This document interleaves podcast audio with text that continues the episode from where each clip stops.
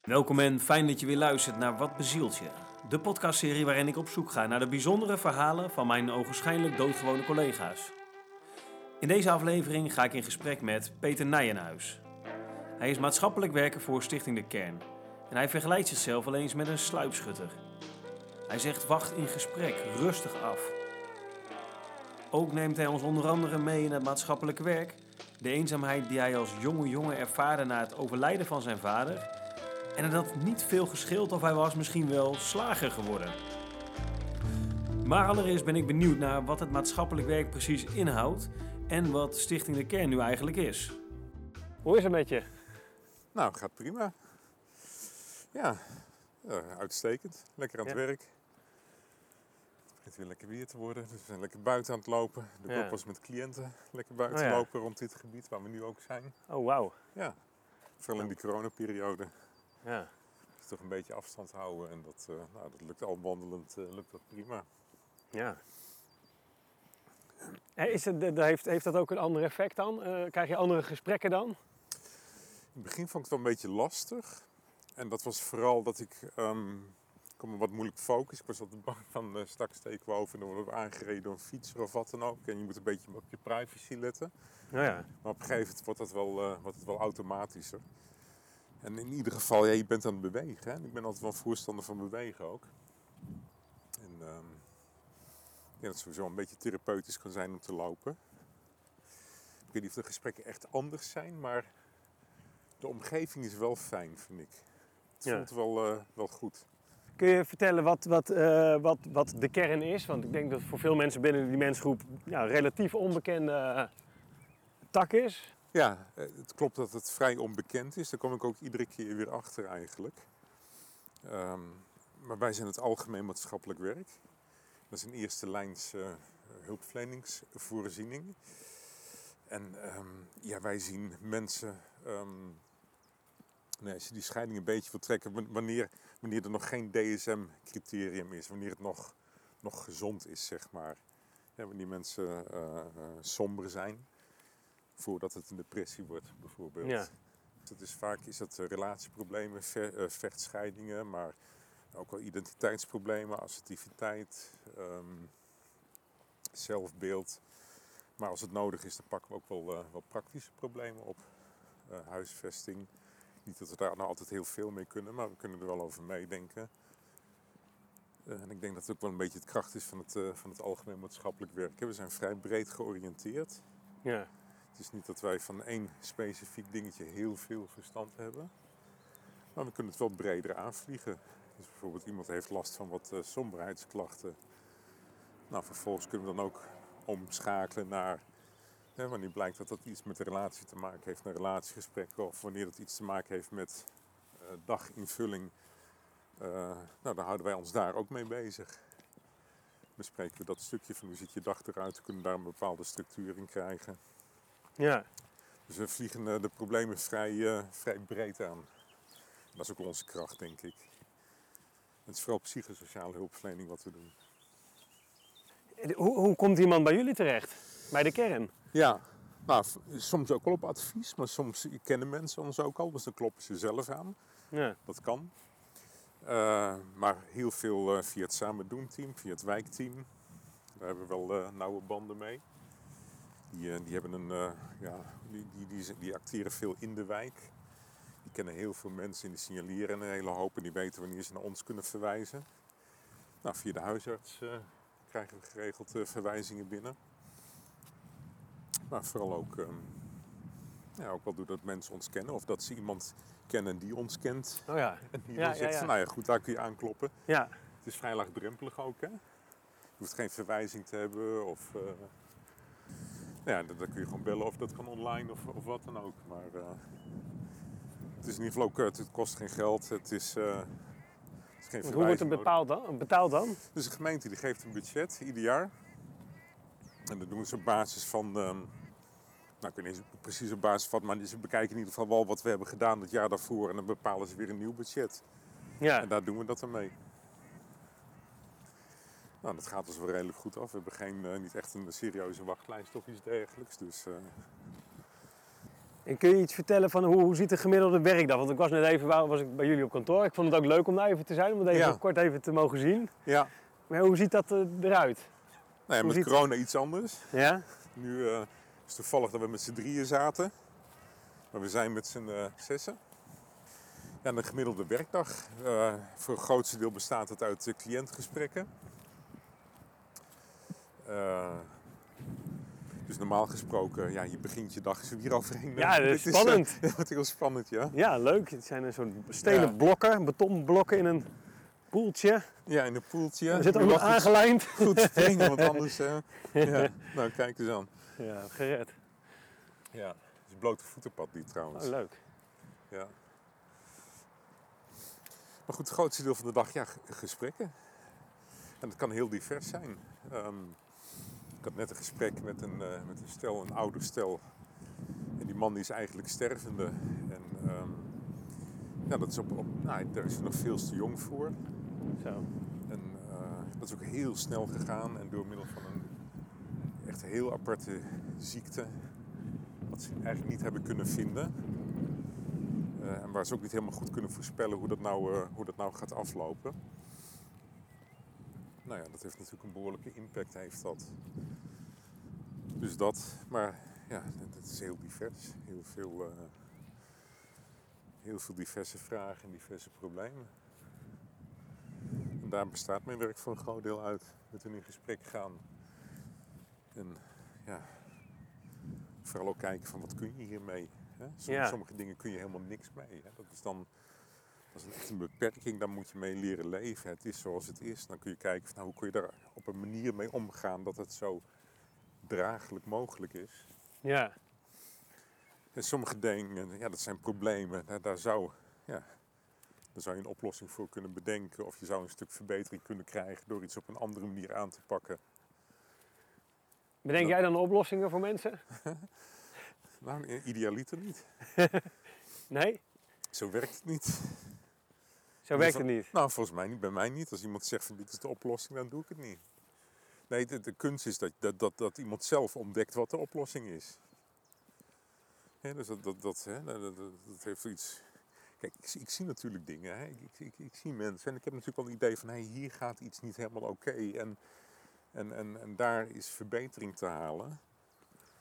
Eh, maar mijn ervaring liet ook dat het heel subtiel werk is van...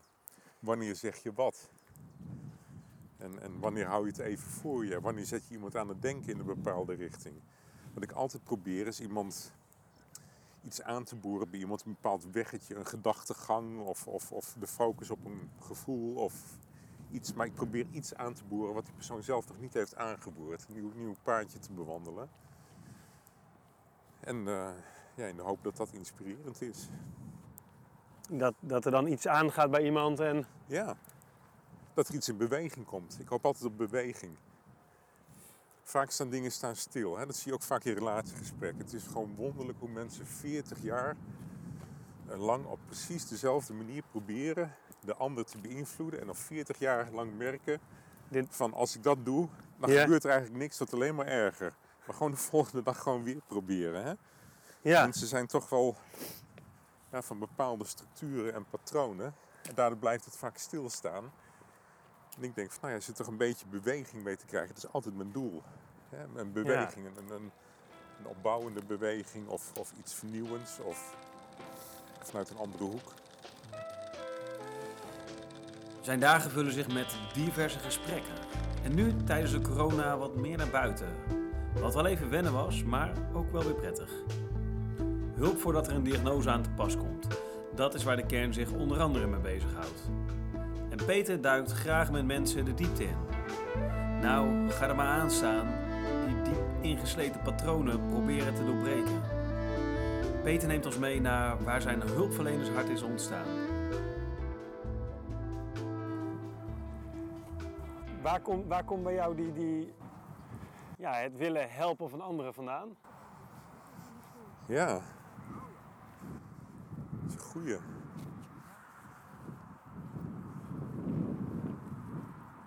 Ehm, ik- het, het grappige is, mijn dochter, die, eh, vertelde gisteren, die heeft heel veel appcontacten. Maar heel veel met kinderen die problemen hebben. En ze is daar op een of andere manier... ik weet niet wat het is. Maar zij vindt het helemaal prima. En ze interesseert zich daar ook voor. En ik, misschien is het ook wel ergens een familietrekje aan de ene kant. Ik weet niet, misschien heeft het iets genetisch. Door heel veel jongetjes, uh, zeg maar, die uh, waren vroeger als kind geïnteresseerd in techniek en uh, weet ik het wat. En dat had ik allemaal niet. Nee. Dus misschien zit ik daarin wel wat anders in elkaar. Ja, ik denk ook wel. Um, nou ja, goed, het, het, het, is bij mij ook niet altijd uh, makkelijk gelopen als, uh, als kind.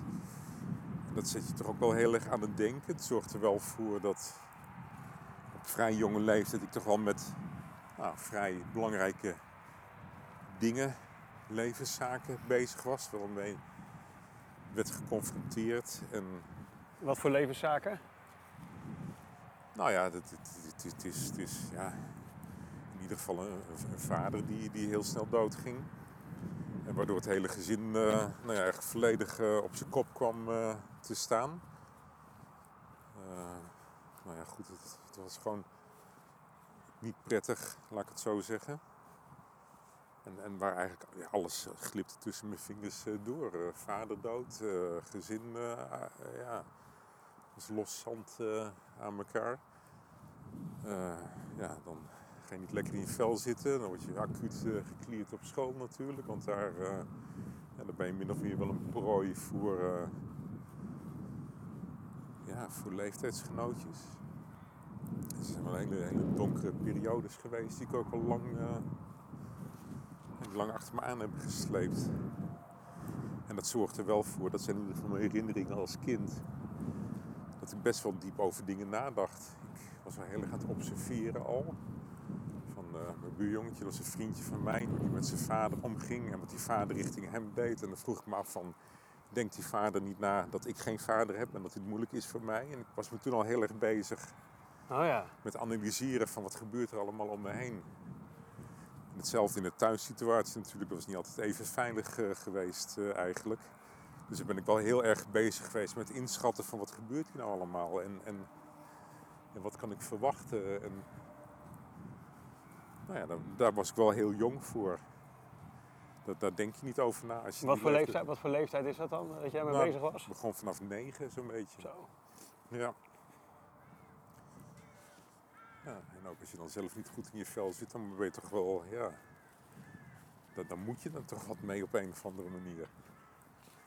En ik denk dat dat wel een hele stempel is geweest, waardoor ik later toch wel mijn interesse daarin heb gekregen. Ja. Hij, en uh, uiteindelijk die keuze heb gemaakt om, uh,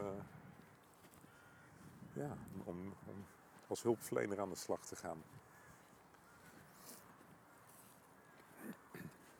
Het lijkt me heftig joh, als je voor je negende dus al ja, op zo'n jonge leeftijd je vader verliest. Ja. Ja, dat is ook zo. Je schetst dat ook wel. Dat, dat je dan als kind al naar andere kinderen kijkt die dan, hoe ze dan met hun vader omgaan. Ja.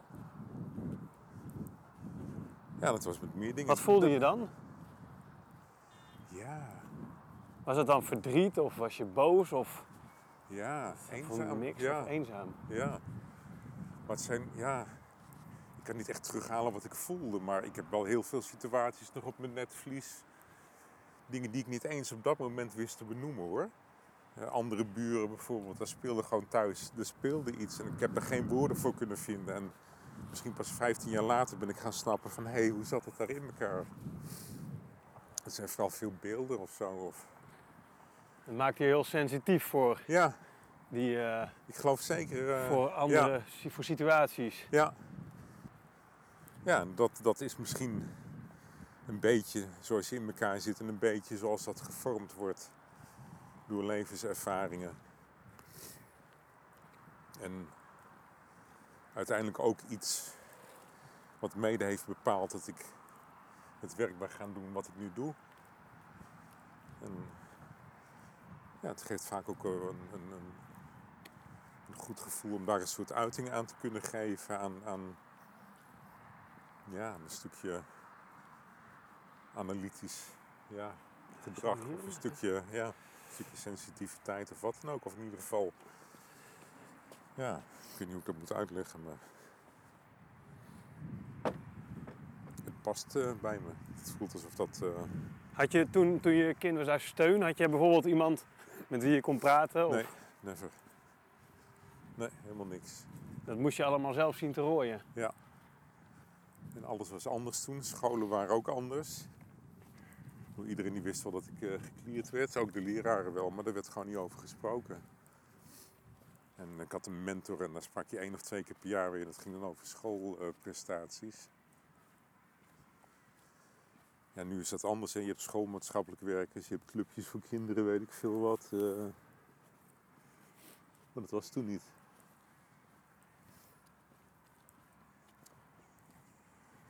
Dus In die zin zijn de tijden wel verbeterd. ja, Voor de kinderen die dingen meemaken nu. absoluut.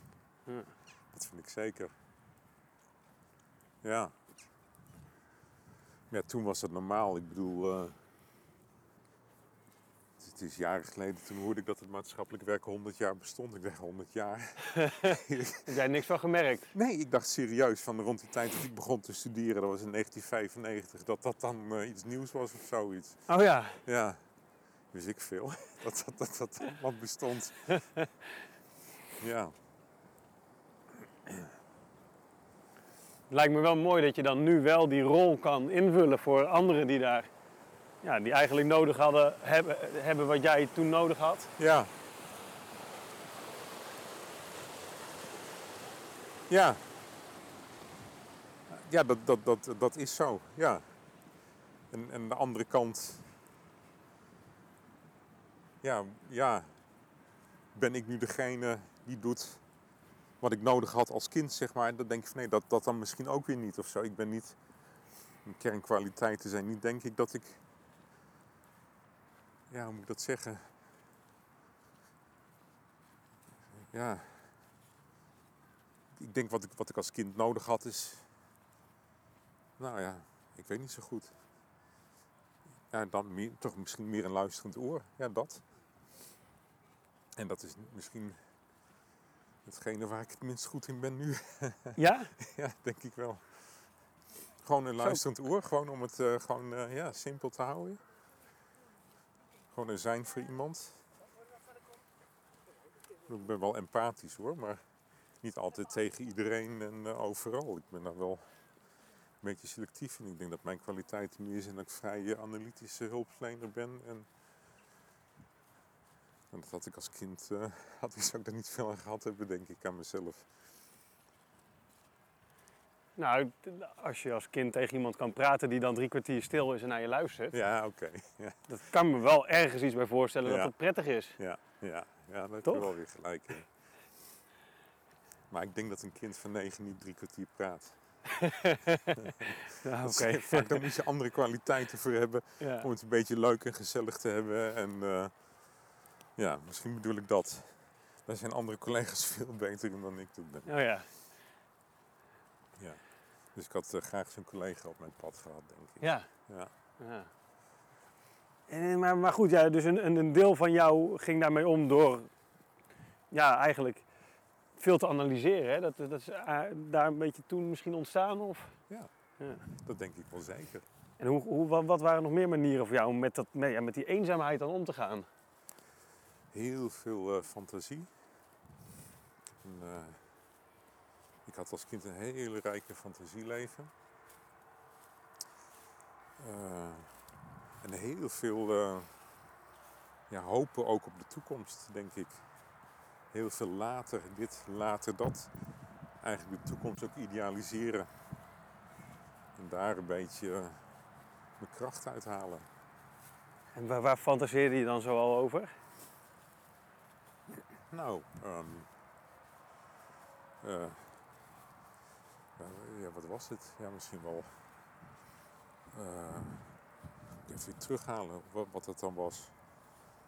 Volgens mij gewoon de normale dingen. Gewoon, gewoon een normaal leven hebben met een partner en kinderen. En een baan waar het lekker loopt. Misschien fantasieerde ik wel over datgene wat ik nu heb, een beetje. Maar dan, ja, misschien meer geïdealiseerd, dat wel. Ja, ik- misschien heb ik dat niet eens zo heel erg helder meer, maar ik weet in ieder geval wel dat, dat er heel veel... eh, In je hoofd. in ja, in nou, in ja, hoofd kwam heel veel gevoel bij je ook in ieder geval. Ik kon me altijd wel echt wel heerlijk voelen op zo'n moment. Als je aan het fantaseren ging over de toekomst. Ja, zeker. Ja. Of, of over het hier en nu, wat er nu niet was, maar waar ik wel eh, ja, naar verlangde. Het gaf wel een goed gevoel. Maar dat was in ieder geval mijn manier om, eh, daar in het hoofd boven water te houden. Nou ja, dat is gelukt. En later heb ik wel moeten afkicken van die fantasieën, moet ik zeggen. Want uiteindelijk kom je gewoon in de realiteit en blijkt het leven gewoon, ja, gewoon te zijn zoals het gewoon is, zeg maar. En, en wat minder, eh, ja, niet alles is eh, zo eh, mooi en perfect natuurlijk. Het was in mijn hoofd speelde dat altijd wel perfect af. Hoe zag dat perfecte er dan uit? Wat, wat, heb je er nog bij van wat? Nou ja, een fantasie wat ik nog heb is, dat eerst te binnen schiet, dat ging over het werk dan bijvoorbeeld. Hè? Ja, Het zou ook maatschappelijk werken zijn en dan zou ik de hele boel wel een beetje onder controle hebben. Ook allerlei crimineeltjes en zo. En die zouden dan wat ontzag hebben voor mij en weet ik het wat. En oh ja? Ja, Maar dat was al op la- wat latere leeftijd, neem ik aan dan. dat was wel op latere leeftijd, ja. Ja. Dat klopt. En als kind, hoe, hoe zag die fantasie er dan uit? Oeh, even heel ver terug. Het ging vaak over het hebben van een groot gezin. Ja? Van, van hechte banden met elkaar. Ja, dat, gezelligheid. Knus. Ja, en ik denk... Als ik daar nu zo over nadenk... Ja, het is toch wel een beetje uitgekomen eigenlijk. Ik bedoel, als ik zie... eh, nou ja, deze week ook, en dat doen we geregeld, dat... eh, ach, met het gezin... Ja, nu, nu vanuit een andere positie, ik niet als kind, maar als vader. Maar we hebben het echt wel heel erg leuk, moet ik zeggen. Ja? Met de hond lekker wandelen in het bos en gek doen en een beetje lachen. En... Ja, Wauw. dus ja. Maar dat, dat was denk ik mijn manier, mijn coping als kind. Om, eh, Om, uit, om weg te gaan van die eenzaamheid, fantaseerde je over knusheid, gezelligheid, Ja. samen zijn, Ja. een gezin, Ja. een groot gezin. Ja. Heb je een groot gezin? nee. nee. Hoeveel kinderen heb je? Twee. Twee kinderen. Nou, dat, dat zijn dus bijvoorbeeld, hè, ik bedoel... ehm, Ja, dat is niet helemaal uitgekomen dan een groot gezin. nee, maar- maar, dat- maar dat zijn dan... Ik had toen zoiets van ah, minimaal zes kinderen of zoiets, weet je. Oh ja. En dat, maar dat is dan wat ik bedoel met... met, met, ehm, met ja, daar kun je allerlei leuke fantasie over hebben. Maar ik, maar ik ben gruwelijk blij dat ik geen zes heb. Laat ik het zo zeggen. Twee is fa- fantastisch. Schij uit. dat is meer dan genoeg. Dat ik mijn handen vol aan gewoon. Ja, ja, Nee, ja. ik zie niet weten. Ja. nee. Maar het is niet, niet, niet het klinkt voor mij niet als een dusdanige fantasie die, waar helemaal niks van terecht is gekomen. Het is nee. een beetje bijgeschaafd naar wat- ook wat misschien wel wat prettiger voor je is. Ja, ja. Nou ja, goed. Ja, juist. Ja. Wel wat prettiger is. Ja. Ja. ja, zo zeg je dat goed. Maar goed, je vroeg dus van, van dit werk, hoe, hoe dat dan, of ik altijd die interesse had, hè, zoiets vroeg je. Of ja, ik, ik denk ja, een, een een beetje, een beetje hoe ik in elkaar zit, een beetje hoe, eh, ja, hoe, eh, hoe het leven gelopen is. Ja, en, eh, ik heb je ook wel eens verteld van, eh, voor ik uiteindelijk op deze opleiding kwam, dat was een behoorlijke zoektocht was dat. Hè? Het was niet zo van, dat ik... Jij wist niet de al als... school afkwam en dacht van nou, ik wil echt in die hoek wat, wat gaan zoeken. Ik heb heel Ja. wat omzwervingen heb ik gemaakt uiteindelijk. Ja. Nee, maar dan moet ik wel een beetje denken aan mijn vader. Mijn vader die, die was ook altijd heel erg geïnteresseerd in psychologie. Maar hij was slager. ah, En waarom was hij slager? Omdat hij als kind eh, de slagerij eh, moest overnemen. Mijn opa die, die ging dood aan astma. Kon je nog aan doodgaan. Ja, misschien nog wel, dat weet ik niet. Maar mijn vader was toen 17 of 18 en moest gewoon brood op de plank komen. Dus die werd slager. Maar die heeft nooit kunnen doen wat bij hem past. Het was gewoon een behoorlijk slimme man, was het, met, met interesse in, in psychologie. En die deed er ook allerlei studies in voor zichzelf wel. Ja, hij werkte gewoon met friki, uh, kippen. Ja, Ja, wauw. en hij werkte ze wel een klein beetje op. Maar ik van, nou, daarom, daar ben ik wel ontzettend blij dat, dat ik in ieder geval de kans heb om dat te doen wat, wat gewoon goed Ja. voelt. Peter herkent het hulpverlenerschap nu al bij zijn dochter. Maar er zou ook een kern kunnen liggen in de sensitiviteit die ontstaan is in zijn jeugd. Zijn vader overleed al op jonge leeftijd en hij kende pesterijen, voelde zich eenzaam en zocht zijn vlucht in de verbeelding, in de fantasie. Misschien vervult hij wel de eigenlijke wens van zijn vader. Wat voor een hulpverlener was en is hij eigenlijk? Hoe, hoe stond jij in het werk? Want je was, eh, je ging, eh, toen je net begon. Ja, Wat, wat, wat, was, wat was er voor jou anders dan hoe je dat nu doet? het wordt eh, met de dag ingewikkelder. Toen ik net begon, toen dacht ik van, nou, dat, eh, dat red ik wel. Dat, of dat red ik wel, maar toen dacht ik veel simpeler. Maar ja, des te meer eh, ik mijn neus erin steek, dus Het wordt steeds moeilijker, zeg je. ja, dat is ontzettend moeilijk. Maar het is ook een verschrikkelijk moeilijk beroep dit. Ja? Ja, dat vind ik wel. Misschien word ik meer wakker of zo, of ik weet niet wat het is, maar het geldt met wel meer dingen eigenlijk. Toen ik net eh, ging sporten, ging ik net op karate. Het was net in het Enkhuizer lijntje. Er was, waren van die jongeren die de conducteurs aan het terroriseren zijn. En ik had net drie lessen karate gehad. En ik denk van, nou, ik ga erheen en ik ga ze even vertellen dat ze dit niet moeten doen. Hè? dus, maar toen ik later een beetje wat meer ging verdiepen in die vechtsport, dacht ik van, jeetje, wat een moeilijke sport is dit, weet je. Ja? En dan merkte ik ook, te langer ik ermee bezig was, te meer ik het gevoel kreeg van, nou, ik snap er eigenlijk helemaal niet zo heel erg veel van. eh, en ik kan het eigenlijk helemaal niet zo heel erg goed. En er is nog zoveel te leren. En dat heb ik ook binnen dit werk, heb ik dat wel. En op zich ben ik er ook wel blij om. Het houdt me wel levend. Ik, ik heb ook niet de verwachting van mezelf dat ik, dat ik het allemaal maar even snap en allemaal maar even weet en zal gaan zitten oplossen of zo. Die verwachting heb ik niet. Nou ja, je, je, moet, je moet iets hebben iets, iets wat, wat, wat, wat, je verwondert, wat je inspireert, wat je denkt van, oh, hoe, hoe, kan ik dit, hoe, hoe, kan ik dit op een andere manier aanpakken? Of, of weet je, als je het allemaal weet, dan stel ik me zo voor, dan kak je ook in en dan, dan raak je lol en je energie erin kwijt. Wat, wat ik het mooiste vind in het werk, dat zijn vaak de gesprekken waar ik het meeste tegenop zie en die ik het moeilijkste vind. Ehm, maar ehm, wa- waar iets gebeurt, waar een bepaalde dynamiek tot stand komt, waarin, waarin je eigenlijk merkt van hé, hey, halverwege het gesprek er komt een soort rust, er daalt iets in, er gebeurt hier iets. Je voelt soms van er gebeurt iets op dit moment. En, dat vind ik ontzettend, ontzettend fijn gevoel als dat, als dat zover is. En dat is echt niet ieder gesprek wat, wat allemaal maar de spetters van afvliegen. Maar vaak genoeg om, om daar voor mijn bed uit te stappen in ieder geval. En om na 21 jaar nog steeds te zeggen van... hé, hey, dit vind ik echt nog steeds Spannend. een hartstikke toffe baan. Ja. Waar ik eigenlijk nog steeds meer en meer van wil. Dat, dat is het misschien. En dat is misschien ook mijn drang om die psychologie te gaan doen. En, en me daar nog meer in te gaan verdiepen. Maar de dynamiek, er gebeurt iets. Het, gewoon het gevoel van er gebeurt hier nu iets in deze spreekkamer. Er wordt iets aangeboord, er wordt iets aangeroerd. Er, er, er valt een muntje, er, er komt ergens beweging in. Wat nog niet eerder aangeboord is geweest. Een soort bron die altijd wel ergens heeft gelegen in hun. Maar waar nooit, ehm, ja, waar, nooit gebruik van is gemaakt. Of wat, wat nooit is aangeboord. Zo, zoiets.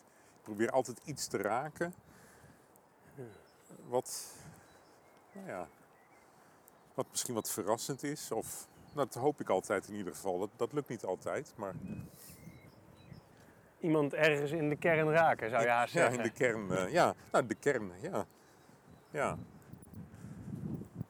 Wat- Wat je, wat je vaak ziet, mensen hebben een bepaald patroontje. hè, Wat ik net zeg over eh, dat, dat stel bijvoorbeeld. Of, maar dat geldt ook voor iemand individueel. Je hebt een bepaalde manier van denken, een bepaalde manier van doen. En dat graaft zich steeds dieper in. En, en ja, vaak werkt dat niet of werkt dat niet helemaal, zeg maar. Of zou je er ook een bepaald patroontje naast kunnen leggen die wel werkt, zodat je een beetje een keuze hebt. Ga ik op de ene manier reageren of ga ik op de andere manier eh, reageren? Nou, en ik hoop dat ik daar een bijdrage in kan leveren in dat pat- een ander patroontje ernaast eh, te leggen. Ja, hallo. Of net wat andere zienswijze. Als een jonge hulpverlener leek het allemaal wel een beetje gesneden koek. Bevestigen, luisteren en dan ben je er al gauw. Maar hoe langer hij het werk doet, hoe meer hij ziet hoe moeilijk het is en hoe boeiender het eigenlijk wordt. Peter vergelijkt zich soms met een sluipschutter om echt bij mensen tot de kern te komen. Pas schieten als het hoogste voorbij komt. Hoe werkt het spel van gesprekken nou eigenlijk? Of hoe doet Peter dat nu? Mijn beste gesprekken, zeg maar, dan zeg ik drie kwartier eh, bijna niks de eerste drie kwartier. En dan ben ik alleen maar aan het luisteren. Luisteren, luisteren, vragen stellen. Ja, Het is ook een gevoelskwestie, hè? Van, je moet eerst ook een lijntje hebben met iemand. Ook een gevoel hebben dat ik echt heel goed heb geluisterd naar wat de ander nou zegt en hoe die dat bedoelt. Ik probeer altijd wel een beetje in de huid van de ander te kruipen, ook zover dat eh, gaat. Ja, dan uiteindelijk, ja, dan kan, ik, dan kan ik op het einde van zo'n gesprek vaak wel eens iets zeggen wat dan wel binnenkomt ook bij de anderen, waar ik ook wel de kern mee te pakken heb. En ja, wat is dat dan? Ik heb in die zin mezelf als vergeleken met een sluipschutter. Van ik lig in de bosjes en je ziet er misschien in het begin niet zoveel van, maar ik ben wel alert. Als dan een soldaatje voorbij ziet lopen, dan denk ik van nou, daar ga ik niet gelijk op in. Weet als ik die trekker overhaal, dan ja, ja, dat soldaatje misschien wat te pakken, maar dan rent de rest weg. Dus ik ben dan wel wat geduldig. En dus als er een hogere pief voorbij komt, dan denk ik van nou, nu, eh, nu heb ik iets te pakken. daar, gaan wij, daar haak ik op in. Daar haak ik op in en dat wil ik dan delen. Daar gaat de trekker over. Ja, dan gaat het trekken over zoiets. Ja, Dat wil echt niet zeggen dat ieder gesprek zo gaat hoor. Of, of dat ik nou. eh, Maar dat zijn de mooiere gesprekken, die gaan wel zo. Had gisteren had ik nog zoiets. Dat was iemand die het hier en nu heel erg aan het worstelen was over iets. En daar had ik van alles over kunnen zeggen. En lag ook wel van alles op het puntje van mijn tong. Maar ik denk van nee, ik wacht gewoon even. Ik wil gewoon nog beter leren kennen hoe jij in elkaar zit. En ook hoe een stuk geschiedenis van jou in elkaar zit. En ineens zie ik dan eh, aan het einde een bepaalde link. Waardoor ik ineens snap hoe die persoon in het hier en nu reageert zoals ze nu reageert. En eigenlijk heb ik dat niet eens tegen haar gezegd. Ik heb, eh, wat, wat vroeg ik haar toch? Ik maakte een opmerking van dat, dat moet heel onvoorspelbaar voor jou geweest zijn. En toen maakte zij zelf die link van ja, nu, nu ik hier zo over nadenk, zegt ze, snap ik ook waarom ik nu zo in het hier en nu zo met controle bezig ben. dat was nog iets van toen en daar. Ja, dat was iemand die heel veel onvoorspelbaarheid, heel veel onveiligheid heeft gehad in de jeugd. Ja, En, eh, en nu heel erg bezig is met, met het controle houden. En dan vaak over onbenullige dingen. Maar controle is heel belangrijk voor haar. Dat is voor veiligheid gaan staan. Ja, Nou, daar kan ik een hele theorie over gaan houden. Maar ik kan ook proberen het op zo'n manier te verwoorden dat ze zelf een conclusie trekt. Maar ja, daarvoor moet je wel eerst gewoon heel goed luisteren, denk ik, en stil zijn. En eh, in ieder geval, dat is mijn manier. En dat werkt wel. Past bij mij in ieder geval. Wat ik zo grappig vind is dat jij, jij omschrijft jezelf eigenlijk als een eh, analytisch persoon. Heel Ja. analytisch. En dat klinkt voor mij dan als iemand die heel erg in zijn hoofd bezig is. Oh ja, ja. Terwijl ik, als ik je erover hoor praten, van wat Ja. je nou precies doet, Ja, klinkt het alsof het veel meer een gevoel, dat je veel meer op het gevoel afgaat en heel erg sensitief bent voor wat speelt, wat, wat, wat hangt hier nou allemaal in de lucht. En daar, ja, daar probeer je wel wat woorden aan te geven, maar eigenlijk, ja, eigenlijk, ja, dat lukt wel aardig. Maar het is ook heel moeilijk of zo, omdat het heel erg een gevoelsding Ja. is. Nou, analytisch, dat begint ook altijd bij gevoel. Hè? Dat begint bij iets, iets ergens tussen mijn keel en mijn, en mijn, en, en mijn heup, zeg maar. Daar, daar gebeurt iets. Daar, daar, hè? Nou, daar probeer ik dan woorden aan te geven. En dat is wat ik bedoel met analytisch. Ik probeer woorden te geven aan, aan wat, wat, Ah, ja. wat voel ik hier? Wat, Ja, wat, wat doe ik op aan, aan deze situatie? Dus voor mij is dat niet een, een rationeel proces. Het, het Start. wordt rationeel, omdat je het moet kunnen uitleggen op een of andere manier. Ja. In deze podcast moet je het uitleggen en ja. dan... Ja. ja. Wat leer jij van je cliënten? Ehm.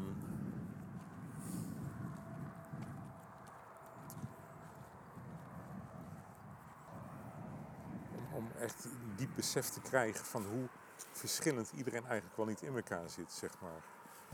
Gewoon het besef dat, dat, dat, dat iedere mens eigenlijk uniek is. Ook al lijkt dat misschien niet altijd zo. Maar ieder zijn eigen beleving, zijn, ja, zijn eigen manier van interpreteren.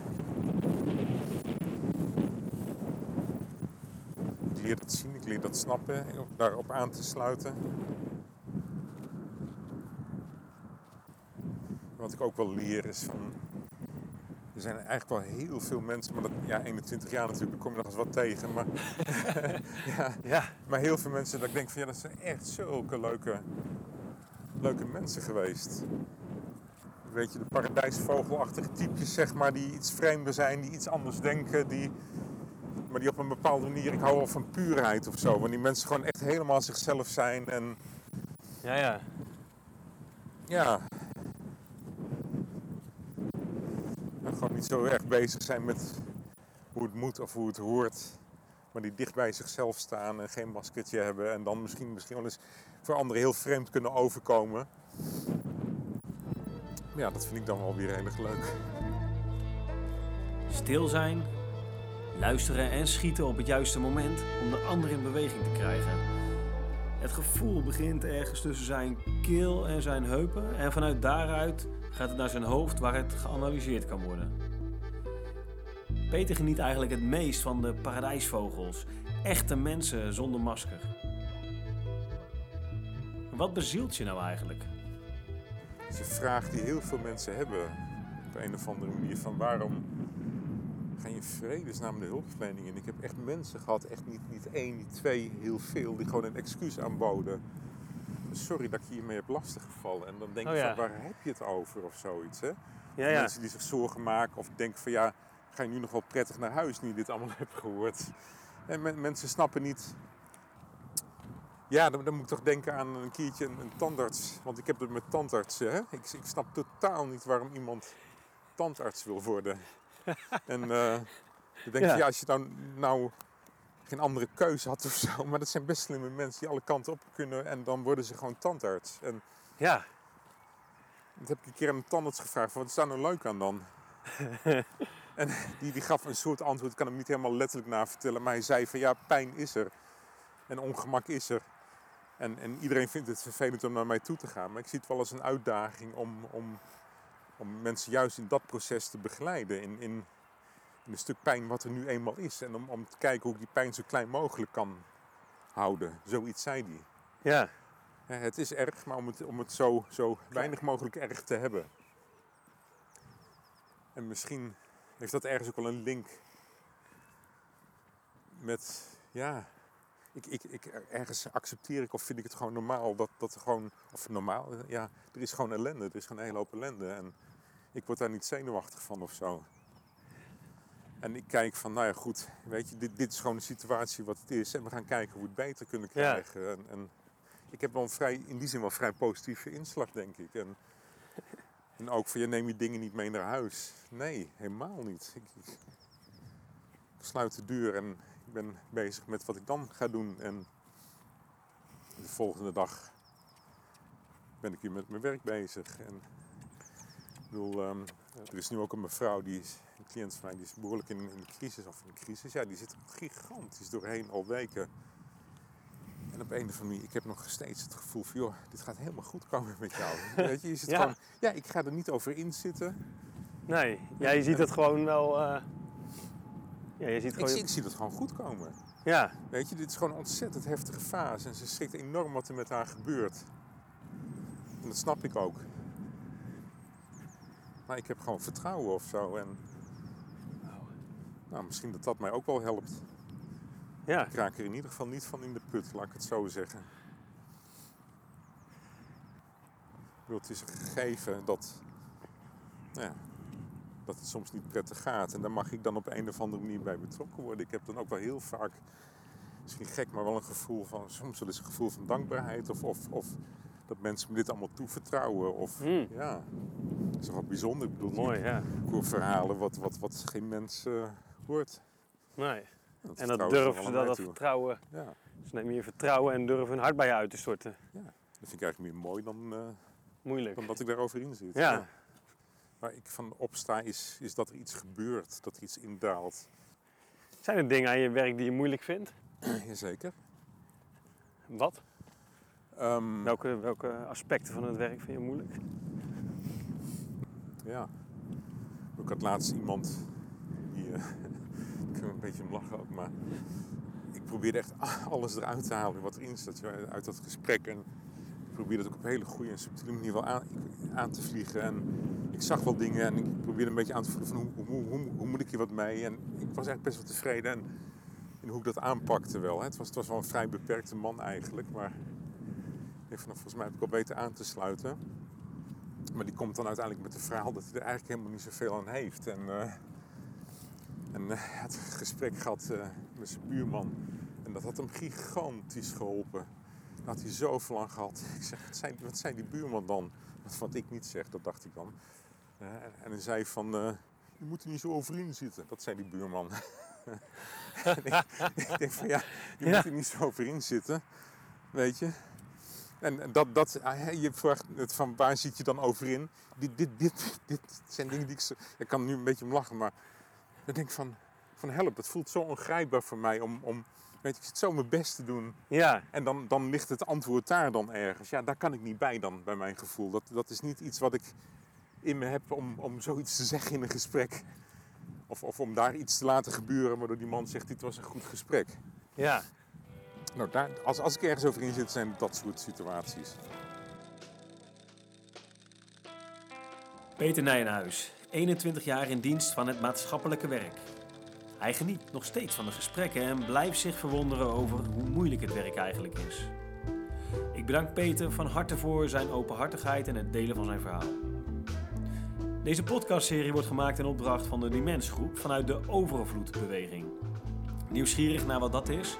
Kijk dan op dimensgroep.nl slash beweging-van-overvloed. De illustratie bij de podcast is gemaakt door illustratrice Joska van Oosten. En de muziek die je hoorde is gemaakt door de Australische band The Taylor Birds met het nummer Puppet Maker. Na deze serie maken we een serie waarin ik in gesprek mag met cliënten over wat hen nou bezielt. Heb je tips of wil jij je verhaal graag delen? Dan hoor ik het ook graag. Voor nu, heel hartelijk dank voor je aandacht en blijf luisteren en vragen.